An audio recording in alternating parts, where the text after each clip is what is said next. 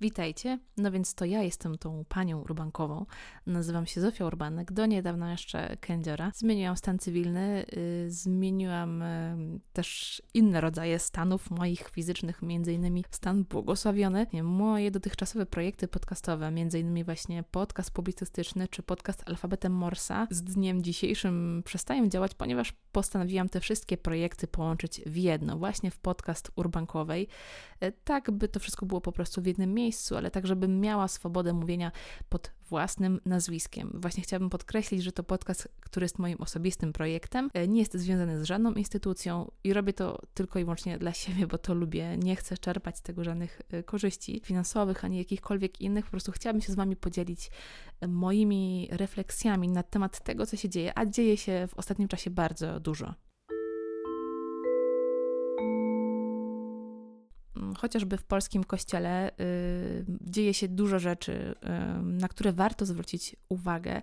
Z takich największych y, to sprawa Pawła M., byłego dominikanina. Wydano niedawno raport, raport wydany przez komisję, na czele której stanął Tomasz Terlikowski, osoby, której chyba nie muszę przedstawiać. Niedawno mieliśmy do czynienia z mm, spotkaniem właśnie z komisją, która przedstawiła właśnie ten raport. E, ten raport jest dostępny na stronie Dominikanów, można go przeczytać, każdy może go przeczytać i sam zobaczyć, co, co się działo tak naprawdę. Sama z drżeniem słuchałam słów e, Tomasza Telikowskiego właśnie podczas spotkania z tą komisją, podczas prezentacji właśnie tego raportu. On sam mówił o tym, że w tym raporcie można zauważyć wiele mechanizmów obecnych w Kościele, nie tylko jeśli chodzi właśnie o tą sprawę Pawła M., ale w ogóle mm, wiele mechanizmów, które po prostu są i są także w Kościele niestety. E, to są różne rzeczy, to są mechanizmy, w których ktoś się po prostu mógł odnaleźć i właśnie to Tomasz Telikowski podkreślił, że dlatego właśnie między innymi i też moim zdaniem ten raport jest tak bardzo przełomowy, bo porusza wiele, wiele mechanizmów, e, tak naprawdę odkrywa te mechanizmy. Te mechanizmy były obecne właśnie w grupach prowadzonych przez Pawła M. w duszpasterstwie dominikańskim. To jest wiele rzeczy tak naprawdę. Jeśli ktoś przeczyta raport, do czego zachęcam, e, może się odnaleźć. Mam, znaczy nie wiem, czy czy każdy się odnajdzie w tych sytuacjach, ale myślę, że każdy zaobserwuje, że takie sytuacje istnieją nie tylko właśnie w przypadku tej sprawy, ale także w ogóle w kościele i nie tylko, w wielu, wielu grupach. Te rzeczy, o których y, tutaj wspomniane w tym raporcie, to między innymi ogromna manipulacja Pawła M., którym manipulował nie tylko osobami, mm, którymi, które były w tym duszpasterstwie, ale także swoimi przełożonymi. Oczywiście nie chcę tutaj usprawiedliwiać jakichkolwiek działań, tylko mówię o tym, co można zaobserwować. Paweł M. stosował wiele, wiele technik, technik, które były bardzo krzywdzące dla tych osób. Przede wszystkim y, obwiniał tych, którzy od, porzucają tą grupę duszpasterską, że zwiódł ich szatan, że nie są godni, y, że są narzędziem szatana. Y, świat, który on kreował, był czarno-biały. Wszędzie tak naprawdę mm, krył się szatan, jego sidła, niczemu nie można było ufać, nikomu nie można było ufać, co zresztą jest znamienne dla, dla, takiej, y, dla charakteru grupy po prostu, która jest sektą to wy wykorzystywanie władzy pod wieloma względami, także tej mm, władzy finansowej, e, te ofiary właśnie oddawały mu pieniądze. E, były to ogromne manipulacje w wielu, wielu sferach. On sam, Paweł M., mówił o sobie, że jest wybranym, że jest wybranym sługą Jahwe. E, manipulował poczuciem winy. Jakby tych, tych kwestii jest tutaj wiele, wiele.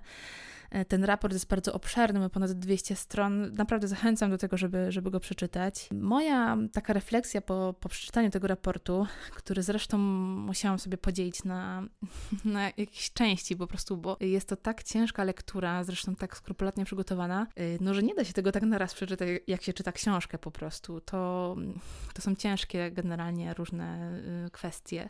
Nie wiem dlaczego, może dlatego są dla mnie tak ciężkie, bo ja widzę bo ja, ja widzę nie tylko w swoim środowisku, w kościele, w którym działam, ale tak naprawdę w kazaniu każdego biskupa, którego można po prostu usłyszeć w mediach czy gdziekolwiek. I uważam, że to, co zostało przedstawione w tym raporcie, czyli odsłonięte te mechanizmy, e, są niepokojące, ale nie tylko one, tylko to, że ja widzę to w kościele po prostu, że takie coś istnieje, że te mechanizmy są e, właśnie poprzez, nie wiem, słuchanie kazań po prostu niektórych biskupów.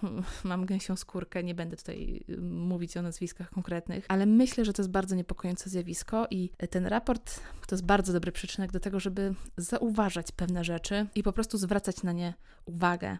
E, tak jak mówiłam, właśnie ten sam raport jest dosyć e, obszerny, ciężki, polecam po prostu mm, sobie podzielić jakby czytanie jego, czy te różne rozdziały na części, nad każdym z nich się pochylić, pomyśleć po prostu, bo to są bardzo skondensowane właśnie wnioski i obserwacje, e, ale także moim zdaniem bardzo ważne wskazówki, które warto przepracować, mm, nad nimi pomyśleć, jeśli po prostu chcemy dobra Kościoła, bo e, grup w Kościele jest bardzo wiele mm, i na tym też polega różnorodność Kościoła, że, że tych grup i duchowości jest wiele. Każdy może się gdzieś odnaleźć, ale w każdej grupie może lub też dochodzi niestety do nadużyć w jakimkolwiek sensie.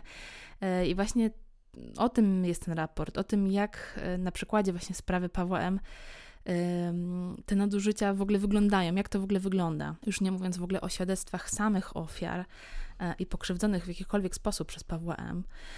Bardzo mnie no, wstrząsnęły te cytaty tych ofiar, które które mówią, że osoba Pawła M. zniszczyła im życie po prostu całkowicie. To nie jest tylko ich urywek z życia w młodości, kiedy byli w duszpasterstwie na przykład, tylko to rzutuje na całe ich życie. To są to jest, to jest zniszczona psychika, tutaj to są lata terapii, które i tak może nie, nie przyniosą stuprocentowego efektu, nie? Niektórzy właśnie mówią o tym, że ich życie się tak bardzo wywróciło, że nie są w stanie po prostu być już normalnymi osobami, że, że ich rodzina, te wszystkie relacje, w których są, nie będą nigdy normalne.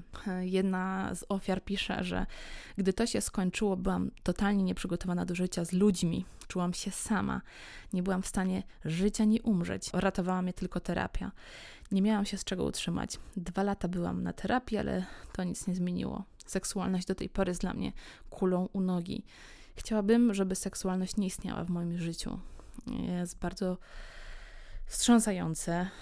E, inne osoby mówią, jak na przykład kolejny świadek, 20 lat na to czekałam, żeby ktoś mi powiedział, kto jest krzywdzicielem, a kto jest ofiarą. A potem okazało się, że Dominikanie nawet nie wiedzieli, kim ja jestem, że oni nie znają mojego nazwiska, że nie wiedzieli, że zabrano mi 4 lata życia. To było dla mnie tak trudne. Pomyślałam, że skoro tak, to nie ma dla mnie miejsca w kościele. To są bardzo, to są bardzo trudne słowa. Tych świadectw jest wiele, jest e, wiele. Naprawdę to wszystko w raporcie warto do przeczytać, pochylić się nad tym i nie traktować tego jako atak na Kościół, bo mam nadzieję, że wiecie, że tutaj nie o to chodzi, co zresztą też było powiedziane podczas prezentacji tego raportu przez komisję, że nikt nie chce atakować Kościoła, tylko zwrócić uwagę na, na rzeczy, które muszą być zdemaskowane, bo jeśli nie zostaną zdemaskowane, no nie można z nimi walczyć, mm, nie można przeprowadzić jakichś reform po prostu. E, no właśnie nie wiem jak wy, ale ja te mechanizmy w Kościele widzę i w jakich środowiskach są oczywiście one większe, w jakich one są w jakichś mniejsze, ale wiem, że one są. Ten raport to taka czerwona lampka, to takie nowe okulary, przez które można zauważyć nieprawidłowości, już może chociażby na początkowym etapie y, w różnych, w różnych środowiskach, czy to zgromadzeniach zakonnych, czy wspólnotach, czy w jakichkolwiek innych systemach y, w kościele. Dlatego jestem wdzięczna tak osobiście za ten raport, bo y, żyję w kościele nie od dziś wiem, jak wiele rzeczy może wyglądać, a ten raport demaskuje doskonale wiele rzeczy. Za to wszystko jestem wdzięczna i bardzo polecam przeczytanie tego raportu i potraktowania go bardzo poważnie, bo myślę, że na to ta historia i ofiary zasługują.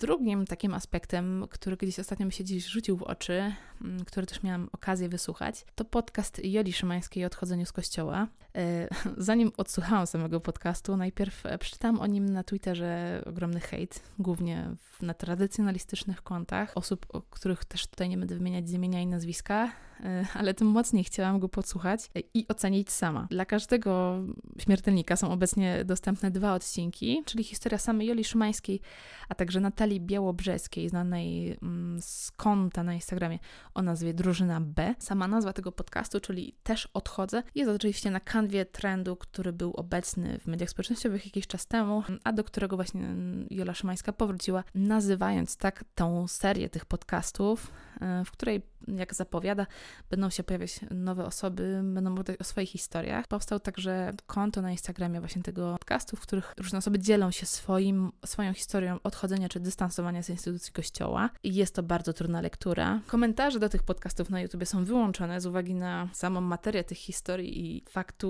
osobistych doświadczeń tych osób. No właśnie, ale nie oznacza to jednak, że nie można ich hejcić. To takie bardzo katolickie zachowanie. Oczywiście używam tutaj ironii. Samej jest mi trudno komentować te historie, zresztą nie uważam, bym miała do tego większe prawo. Oczywiście słuchając tych historii, na razie dwóch, widzę jak, e, jak to się wszystko potoczyło, jak wiele rzeczy mogło się zmienić w tą lub tamtą stronę, jak sytuacja w ogóle mogła zmienić w ogóle ogląd, pogląd i w ogóle wszystko, mm, ale myślę, że to teraz nie ma sensu. Nie chcę w żaden sposób naprawdę takich, w takim sensie oceniać tych historii. Dla mnie jako osoby wierzącej i starającej się praktykować tą wiarę, na ile mogę, y, na ile jest dla mnie możliwe. Te historie to lampka ostrzegawcza. Znam siebie i uznaję, że, że nie jestem lepsza od innych, tak?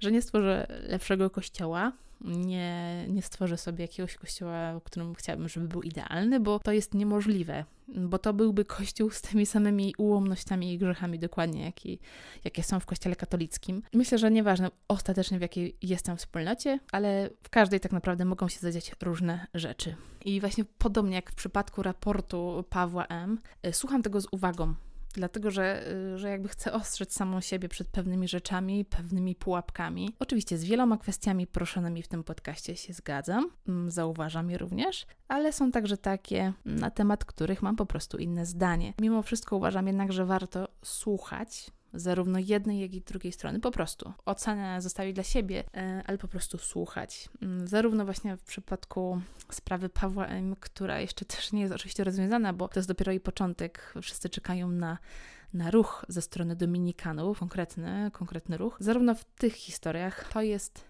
pewien taki próg ostrzegawczy, który może nas uczyć na wiele rzeczy. Przynajmniej ja to tak postrzegam i myślę, że taka perspektywa jest bardzo cenna, może nam dużo dać, przynajmniej mi daje i właśnie w takiej perspektywie na to patrzę.